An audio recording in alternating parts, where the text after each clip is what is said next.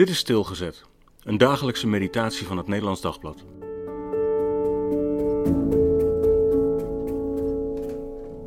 Onschuldig.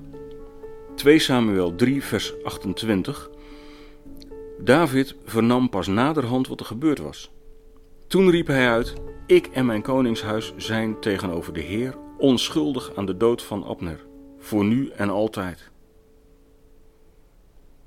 Als je een gezalfde van de Heer wilt zijn, dan moet je ook in alles van de Heer afhankelijk willen zijn. Dat heeft David al snel beseft toen hij door Samuel gezalfd was.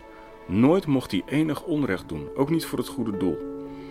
En dus diende hij Saul met volle trouw. En toen Saul hem verstootte, verdroeg hij dat.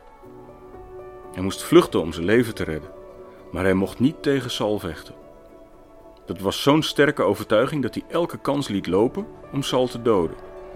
En dus zou hij ook Sauls zoon Isboset niet doden. Sterker nog, zelfs Abner, de trouwe generaal van Saul, wilde hij geen haar krenken.